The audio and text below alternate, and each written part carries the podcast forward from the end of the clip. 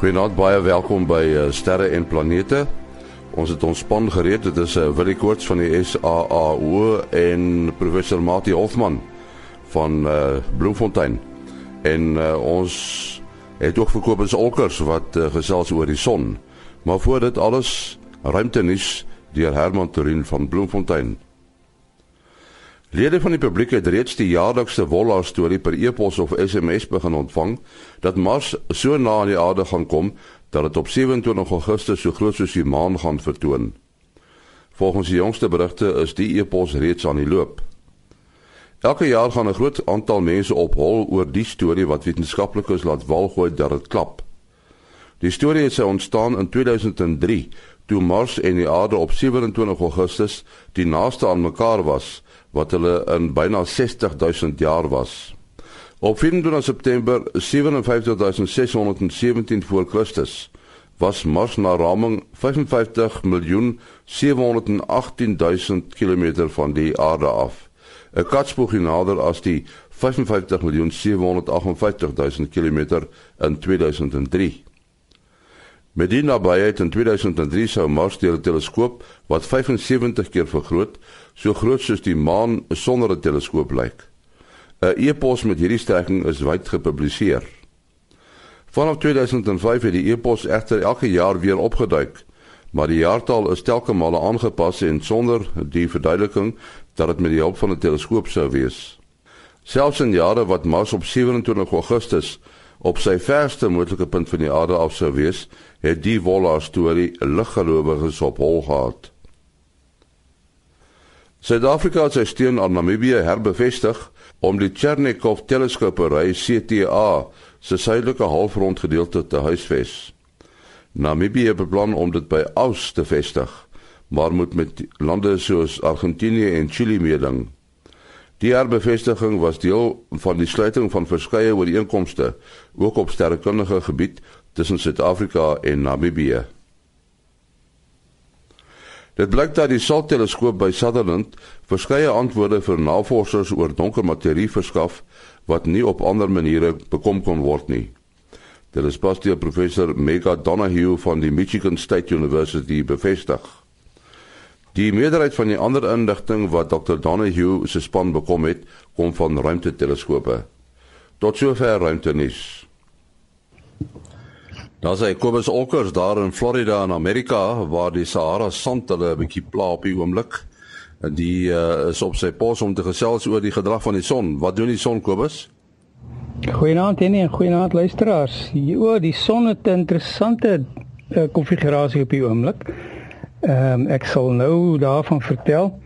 Uh, hy is nie so stil as wat hy verlede week was nie, maar vir alle praktiese doeleindes is hy stil en ek gaan nou sê hoekom want ons sit met 'n hele klomp kolle uh sonvlekke wat mense in in wit lig kan sien. As mens nou deur 'n spesiale bril kyk wat mense na die son kan kyk soos 'n swys uh swys helm is baie goed. Kan 'n mens hele paar kolletjies sien. Maar het, wat die interessantste daarvan is is as 'n mens nou na 'n magnetogram van die son kyk, dan sien ons 'n ry uh dipole so net noord van die son se ewenaar en 'n ry dipole net suid van die son se ewenaar is ek het dis verskriklik lanklaas wat ek so so duidelike klomp dipole gesien het. Ehm um, nie een van hulle is regtig het die kompleksiteit om om groot vakkels te veroorsaak op hierdie stadium nog nie alhoewel daar eenetjie is wat tweede van agteraf sit. Hy's nou besig om lyk like my sy sy ehm um, leidende pool is besig om 'n bietjie omsingel te word. Maar wat interessant is is al die dipole wat aan die noordelike kant van die ewenaar sit is besig om het elke laaste een hulle het 'n suidpooltjie voor soos wat ons nou verwag. Uh die son is as as ons voorsê dan dan dan bedoel ons die son draai ons nou voor ons oë verby so van links na regs.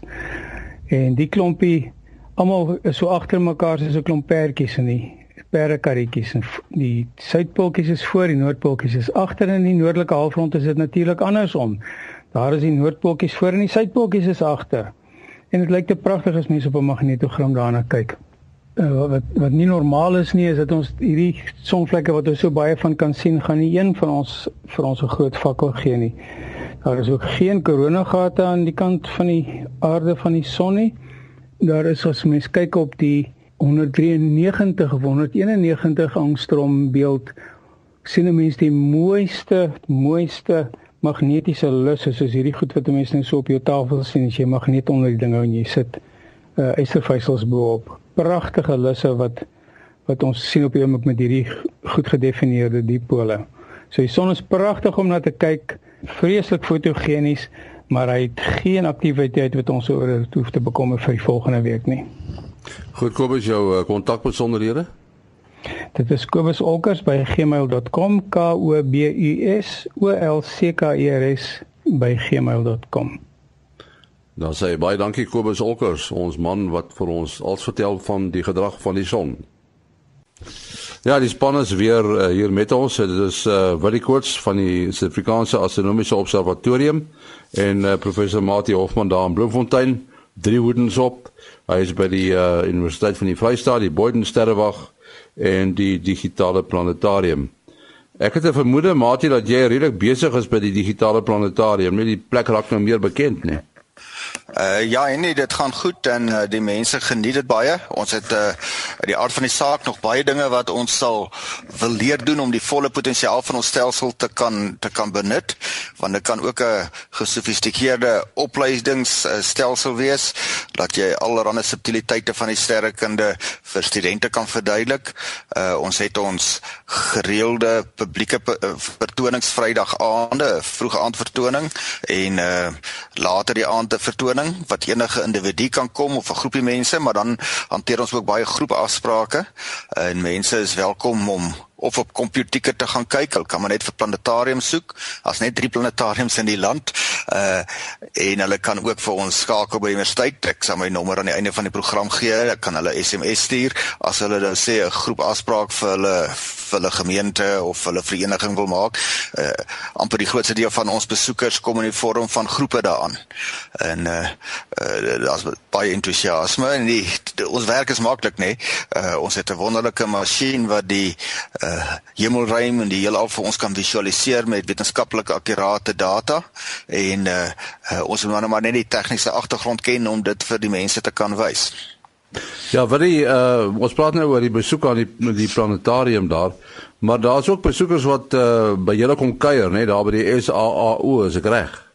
Ja, ja, dis reg, dis reg. Ja, ek wil ook net sê ek het nou ek is nou ook van daardie helfte van die bevolking wat nou die digitale planetarium gesien het in Bloemfontein, maar dit het vir ons so agter die skerms toer geneem so 'n paar weke gelede en dit is indrukwekkend. Ek was al in ander planetaria en uh, met die met die ouer tipe projekte, ek het al uh, self planetarium uh operateur ges, gespeel met die oudste planetarium in Suid-Afrika, die enetjie wat by die uh Lugmagmuseum by Eysterplaats staan wat natuurlik gebruik was vir die opleiding van uh van navigasie uh, personeel.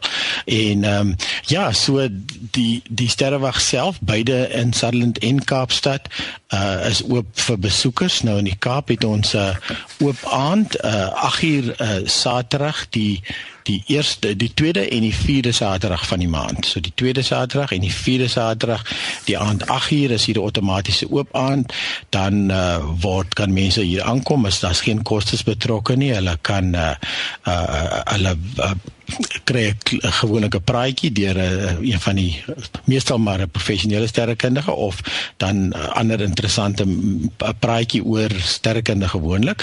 Uh vooraf uh, dit neem so 40 minute of so en dan is dit oopgetrek is um kan mense gaan kyk die hoofgebou en die ou biblioteek en die ou uh, uh tydstelsels ensovoorts en dan ook as dit oopgetrek is kan hulle deur die teleskope gaan kyk. Uh dis dan beide die ou teleskoop wat uit uh, 1874 uh, of 94 uh dateer en dan is daar ook 'n klompie uh, moderner uh, amateur teleskope wat wat dan uitgesit word. Mens mens wonder altyd hoekom amateur teleskope ons het dan die professionele goeders. Nou ja, die amateur die professionele teleskope en dit geld ook vir Sutherland en uh, selfde dan in Sutherland se toere is is gaan jy ook deur eintlik 'n baie lekker groot uh, uh amateur teleskoop kyk Ehm um, en jou probleem is met jou professionele teleskope, hulle is nie regtig bedoel om met die oog deur te kyk nie. Hulle is bedoel vir instrumentasie en om lesings te neem om om om uh, uh metings te neem en die oogstuk is eintlik maar net daar om die voorwerp in die middel van die veld te kry. So die die nagtoere in Sutherland ehm um, is dan uh, dis Vrydag, Saterdag aande, Maandag en Woensdag aande. Uh so Dinsdag en Donderdag is, is hulle bietjie af en ehm um, dan die goed moet mens net vooraf bespreek want dit is nogal vol lank voor die tyd. Ehm um, en dan uh, ja, as ek sê die amateur teleskope kan jy dan oogstukke verander, jy kan die vergroting verander wat dan die dat die voorwerp dan lekker mooi pas uh, in die oogstuk en ehm um, by die observasie wat jy wil doen. Uh en dan is daar ook dagtoere in in Sutherland elke dag behalwe Sondag. Uh vakansiedae is net seker uurlikse toere, maar dan is daar twee uh um, daagliks twee toere wat 'n mens ook net moet vooraf bespreek en dan kan 'n mens 'n bietjie die tegnologie agter uh dit alles gaan gaan kyk. Jy kan natuurlik dan salt self uh mooi bekyk. Um wat jy natuurlik nou nie in die nag sal doen nie want soos ek sê in die nag word jy eintlik glad nie op die kop toegelaat nie. So daar's ook 'n lekker groot besoekersentrum waar 'n hele klompie inligting um uh, wat in sterrekunde gedoen word, bietjie geillustreer word, bietjie spektroskopie, bietjie sterrehelderhede, bietjie um uh hoe sterre om mekaar wentel ensovoorts ensovoorts Doppler verskywing ensovoorts. Mati, as ek die woord Churyumov Gerasimenko sê, waar dink jy? Uh en ek dink aan 'n uh, uh, baie interessante asteroïde uh wat nou besoek word deur die Rosetta ruimtetuig. Uh ek is bly jy die naam van die komeet uitgespreek. Uh ek sukkel bietjie met daarin my uh, my tong knoop maar en as mens nou wil volledig wees dan moet jy nog 67p met 'n vorentoe skynstreep voor die Churyumov bysit. Nou dit verwys na die twee name na die twee persone uh, wat ek neem aan dat ek hulle woonagtig in die Oekraïne wat die komeet uh, ontdek het die tweede een Gerasimenko is 'n is 'n vrou. En nou asteroïde bly baie interessante eh, voorwerpe vir die sterrekundiges. Wag nee, dis nie asteroïde nie, jammer, dit is 'n komeet. Uh daar maak ek nou amper 'n groot fout. 'n Komeet uh wat amper maar soos 'n asteroïde kan sou kon wees, maar 'n komeet word normaalweg na verwys as 'n vuil sneeubal. Uh iets wat oënskynlik brosserig is, nie iets soos 'n harde stuk rots wat deur baie sterk kragte bymekaar gehou word nie. En uh, nog 'n kenmerk van die komete is dat hulle baie elliptiese bane het. Uh met ander woorde hulle kan naby die son kom uh, kom draai en dan word hulle dikwels sigbaar en as mens gelukkig is maak toon hulle 'n skouspelagtige ster, maar dan gaan draai hulle weer taamlik ver vanaf die son, party verskriklik ver daar op die buite buitewyke van die sonnestelsel, party nou nie so ver nie. Hulle se komeet is nou een van die wat nou baie ver gaan draai in 'n periode het van uh 76 jaar. Hierdie komeet uh Churyumov-Gerasimenko het 'n heelwat korter periode Uh, maar wat nou opwindend is is dat hulle nou hierdie uh, Rosetta tuig in 'n baan om uh die komeet gesit, komeetkern gesit het en die baan dit is so ongeveer 100 km as mens afrond vanaf die komeet uh, en 100 km is naby met die goeie teleskoop uh, fotos wat nou vanaf ruimtetuie geneem word kan hulle baie fyn detail sien. En uh, die voorwerp waarna gekyk word het 'n baie interessante vorm. Party ouens verwys dit daarna so amper as uh, asof dit 'n rubber eend vorm het. Uit so 'n nek. En hulle het nou onlangs uh 3D fotos op die internet geplaas. As mense wil sien hoe lyk 'n komeetkern in 3D, uh, mense net hierdie uh brilletjies nodig met die twee verskillende kleure. Uh dan kan mense hom in 3D sien. Mense kry van hierdie brillike partykeer in van hierdie 3D boeke wat mense in die boekwinkels uh kan koop. Uh maar dit gaan natuurlik nie net oor mooi fotos nie, dit gaan om wetenskap te doen. Uh een van die eerste verrassings is is dat die komeet uh kleiner ag kouer is en liewer warmer is as wat hulle verwag het met 'n temperatuur van ongeveer -70 grade Celsius. Nou by daai temperatuur gaan daar nie uh koolstofdioksied ys kan vorm nie en dit is wat hulle meestal assosieer met uh, die uh, kerne van komete dat daar baie ys op vorm met baie stofdeeltjies tussenin. Uh, so in hierdie geval uh, lyk dit dus nie waarskynlik dat dit die dat uh, droë ys die hele komeetkern omring nie. Dan mag wel kolle wees met met ys of kom sê net maar 'n sneeuerige oppervlak. Uh, ja, ek kan um, miskien net ook wat vir my opgeval het interessant was oor die komeet self. Soos Martin nou gesê het, die periode is baie korter as Halley se komeet. Dis maar net so 6 en 'n half jaar, elke 6 en 'n half jaar wat die um, komeet om die son beweeg. So dit is eintlik redelik vinnig en redelik gou is die uh, komeet weer um, weer terug om die son. Uh, die komeet is, is so ver terug soos 1969 al ontdek. Uh, en dit was destyds gedoen op fotografie fotografiese plaat, uh, so glasplate wat uh, foto wat basies fotos is en ehm um, en en so die, ons weet al baie lank van die komeet. So die ehm um, van die redes hoekom hulle natuurlik nou die komeet, ja die komeet se grootte self is so 3.5 by 4 km. So dit is so die helfte van Tafelberg as jy dit nou wil wil vinnig aandink. En ehm um, die keuse van die komeet om die sending op te doen uh is, is natuurlik nou dit is nie so moeilik om in te vlieg nie. Uh dit het hulle wel um uh, amper 10 jaar, wel 10 jaar, 5 maande en 4 dae geneem om die komeet in te vlieg.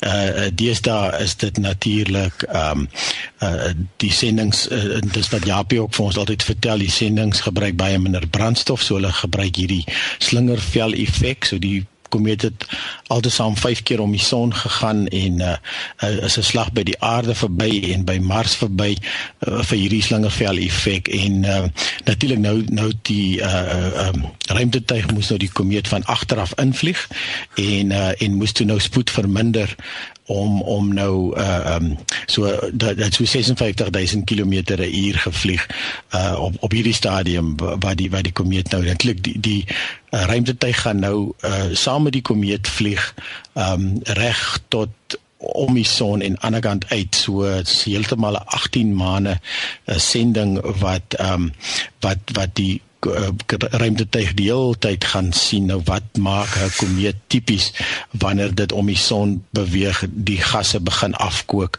ensovoorts en ehm um, ja uh, maar dit nog gesê is 100 km en hulle vlieg met 'n snaakse driehoek uh, patroon vlieg hulle tussen die komeet en die son.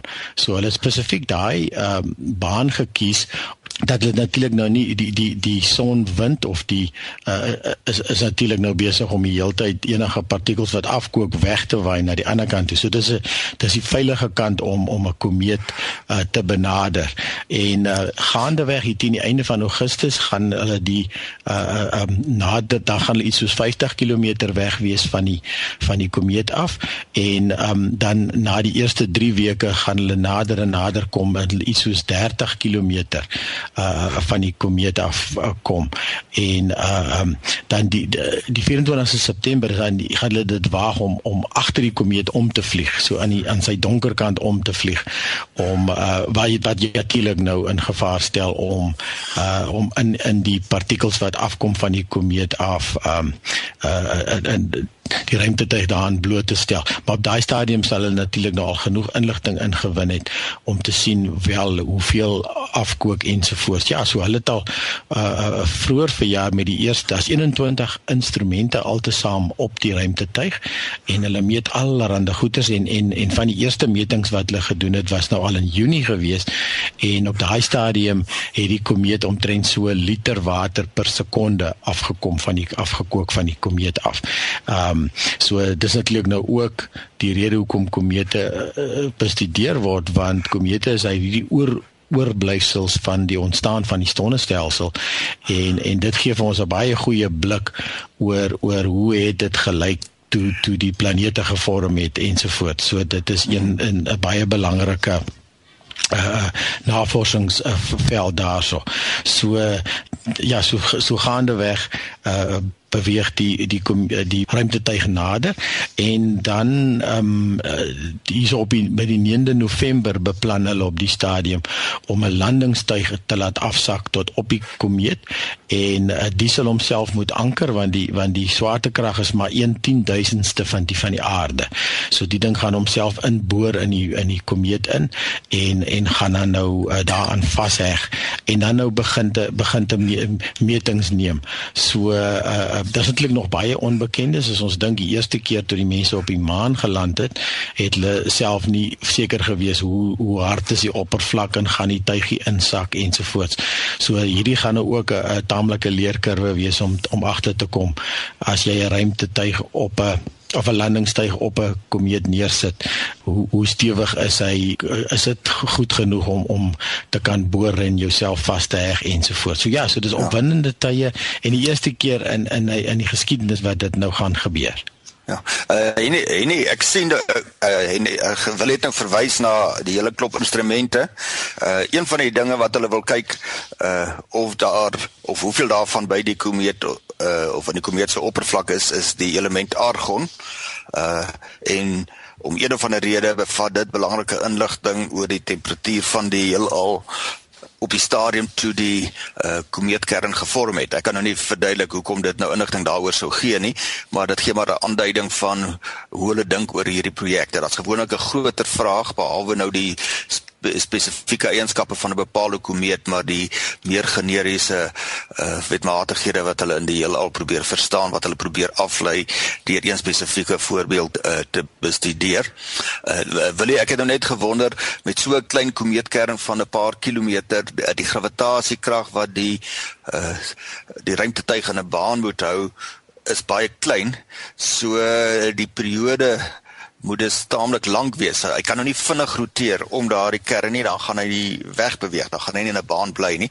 Maar ek kon nou nie maklik daardie inligting oor hoe lank die ruimtetuig vat om een omwenteling te voltooi in die hande kry nie. Dit is interessant die baan in uh, op die stadium met hulle nou uh hierdie driehoekbaan, maar dit die ruimtetuig word die hele tyd aangepas. So hulle hulle vier die metode gedurig en dan en dan dan uh um, dryf hy nou na een kant toe en as hy by die by die draaipunt van die driehoek kom dan vier hulle weer die motore aan die kant toe. Ehm um, so jy's reg later gaan hulle natuurlik in 'n baan om die om die komeet uh, wees wat ek ook nie heeltemal die data van het nie, maar dit klink my dit gaan maar 'n stadige baan wees en ehm um, maar dit klink vir my hulle het genoeg brandstof saam geneem om om eintlik uh, maar die heeltyd aanpassings te gaan te kan maak. Uh want jy sal uit die aard van die saak die uh, ruimtetuig uit die uit die ehm um, noem jy maar die gemors wat afkom van die komeet af uh en en soos wat dit nader aan die son beweeg uh gaan daar meer en meer goed afkom. Uh sal jy nie jou jou ruimtetuig daaraan wil blootstel nie. So dit klink my hulle hulle bestuur hom redelik by ons kan eintlik vir Japie vra as as ons volgende keer met hom weer ja. gesels. Hulle kan nie te ver van of sy kon sê sy natuurlike periode afbly nie want dan gaan hulle te veel brandstof gebruik. So hulle moet naby aan die regte spoed bly vir 'n baan sodat die aanpassings uh, klein moet wees. Hmm, dit maak sin Ja uh, ja, ek wil net uh, by jou weet Mati, uh, wil jy of verwys die slingervel metode om uh voorwerpe na 'n ander baan te stuur. Hoe presies werk dit? Uh ja, nee, ek dink dit moet 'n baie interessante proses wees om te te kan uitwerk en jy het baie rekenaar vermoë nodig. So soos jy sê elke ding het 'n prys. Jy wil nou minder brandstof ge gebruik as jy nou bloot die kortste moontlike baan in terme van uh tyd en en lengte sou sou wou neem, dan gaan jy baie brandstof nodig hê want jy gaan moet uh, nou teen die vir alles die voorwerp nou taamlik ver vanaf die son nog is, dan moet jy teen die son se gravitasie moet jy die ruimtetuig uh, wegskiet. Maar as jy nou slim te werk gaan, dan kan jy nou uh, eers verby die son of sê net maar verby 'n planeet soos Venus uh, gaan en dan is dit amper soos 'n sagte botsing. Uh jy gaan om 'n baan om daardie voorwerpe en in die proses kry jy energie uh kinetiese energie wat oorgedra word van die planeet na die ruimtetuig. Nou uh die ruimtetuig sal of aansienlik versnel terwyl daar omtrent geen effek waarneembare effek op die planeet gaan wees nie weens die bloot weens die verskil uh in massa. So uh die dit mens kan dit dan in die wiskunde gaan beskou as 'n elastiese botsing.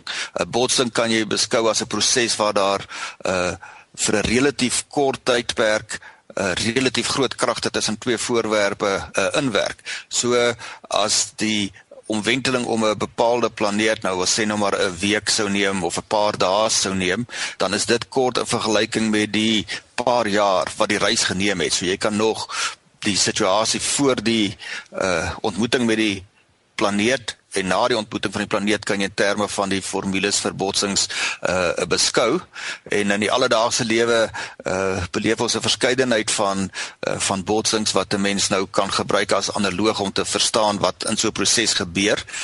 Uh gestel byvoorbeeld ons speel uh, speel uh snoeker.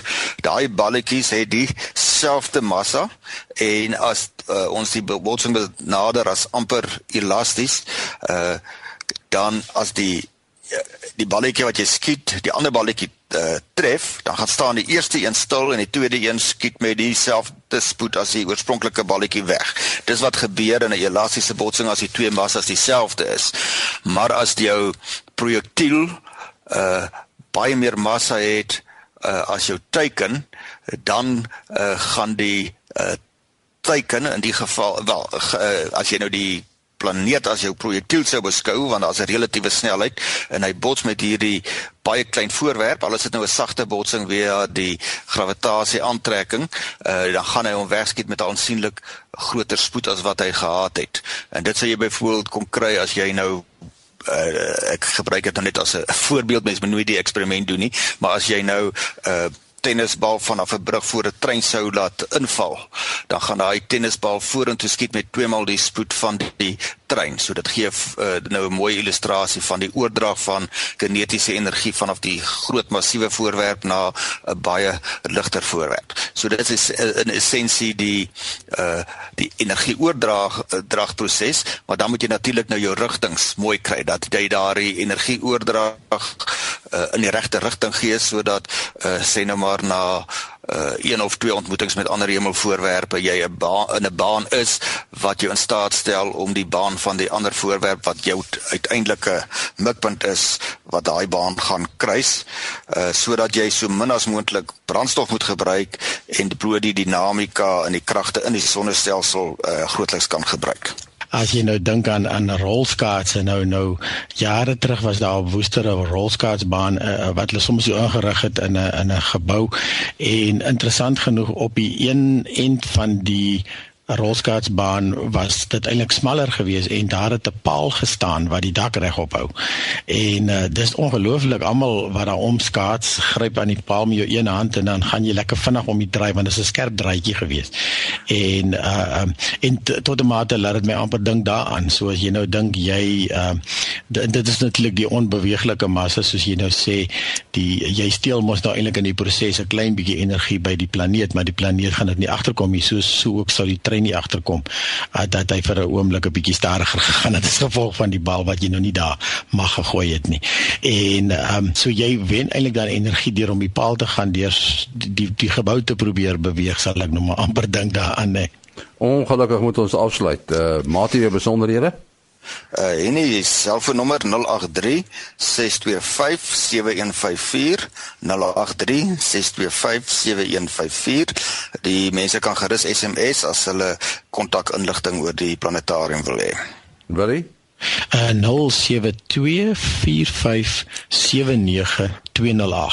0724579208 En my besonderhede maas.henny@gmail.com maas.henny@gmail.com. Tot 'n volgende keer. Mooi dag.